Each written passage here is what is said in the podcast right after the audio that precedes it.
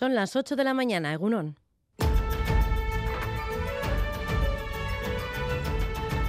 Crónica de Euskadi con Irache Martínez. Tras días de polémica, los ayuntamientos de EH Bildu han desactivado las webs de memoria a petición de Aranzadi.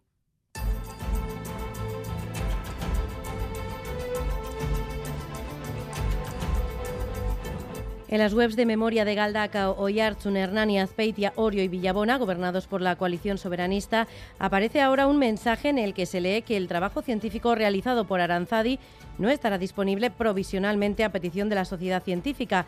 Las webs de memoria de Tolosa y Erandio, consistorios gobernados por el PNV, ya fueron desactivadas tras la polémica desatada por incluir a miembros de ETA como víctimas de vulneraciones.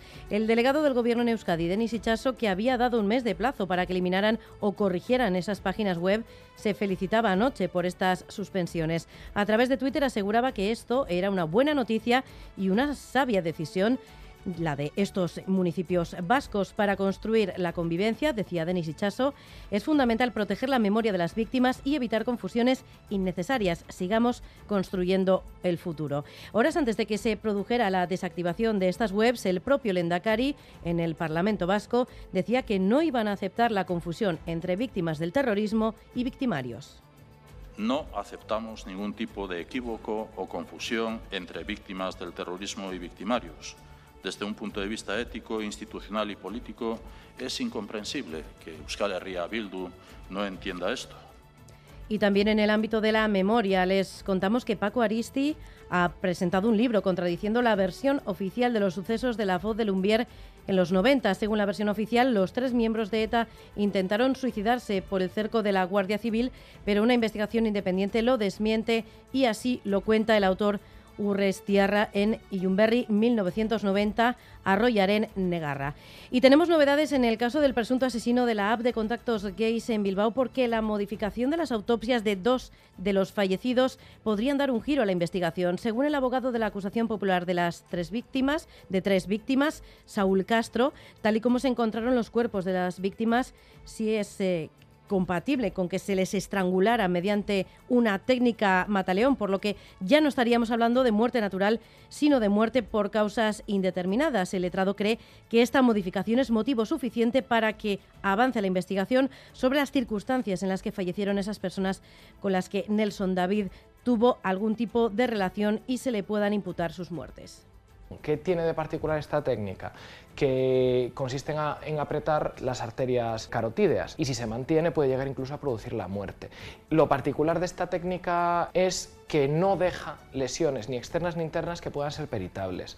Vamos ya con los deportes. John Zubieta, Egunon. Egunon, comenzamos por fútbol porque Osasuna se mide a las dos al Betis con las bajas de Moy Gómez y Torró con la pretensión de llegar a los 41 puntos y certificar la salvación. A las 4 y cuarto le toca el turno al Athletic que se cita con el Almería en tierras andaluzas. Lo hará con la idea de llegar a los 46 puntos y seguir pujando por el premio europeo. Serán bajas Dani García por sanción y Muniain por lesión. Además, la Real Sociedad recibe en el Real Arena al Rayo Vallecano con las ausencias de Lenormand por sanción y Rico y Sadik por lesión. En la Liga Femenina, el Athletic da un paso decisivo para la salvación tras ganar 1-0 a la Dama y a la vez gloriosa se la juega ante el Levante Las Planas, mientras que la Real tiene un envite sin mayor trascendencia ante el Valencia. En segunda división, el Eibar suma su quinto partido seguido sin ganar tras empatar a uno ante Zaragoza en Ipurúa. Tejero anotó el tanto de la igualada en la segunda parte en la que fue expulsado Vadillo. En baloncesto, Bilbao Basket se enfrenta hoy al Valencia con la duda de Hackanson y en balonmano el Veravera ganó 36-24 al Elche en los cuartos de final de la Copa de la Reina. Se midiera hoy al Guardés. Y en pelota, Darío derrotó en el Hogueta de Gasteiz a Ezcurdia por 22-10 en su grupo de cuartos de final del Campeonato Manista. Y esta tarde, en el Labrit, se enfrentan Jaca y Pello Echeverría. Vamos ya con las temperaturas. Tenemos ahora mismo 13 grados en Bilbao, 12 en Donostia y Bayona, 11 grados en Iruña y 10 grados en Vitoria-Gasteiz. Vamos ya con el pronóstico del tiempo para las próximas horas. Euskalmet, Jonander Arriaga, Egunon.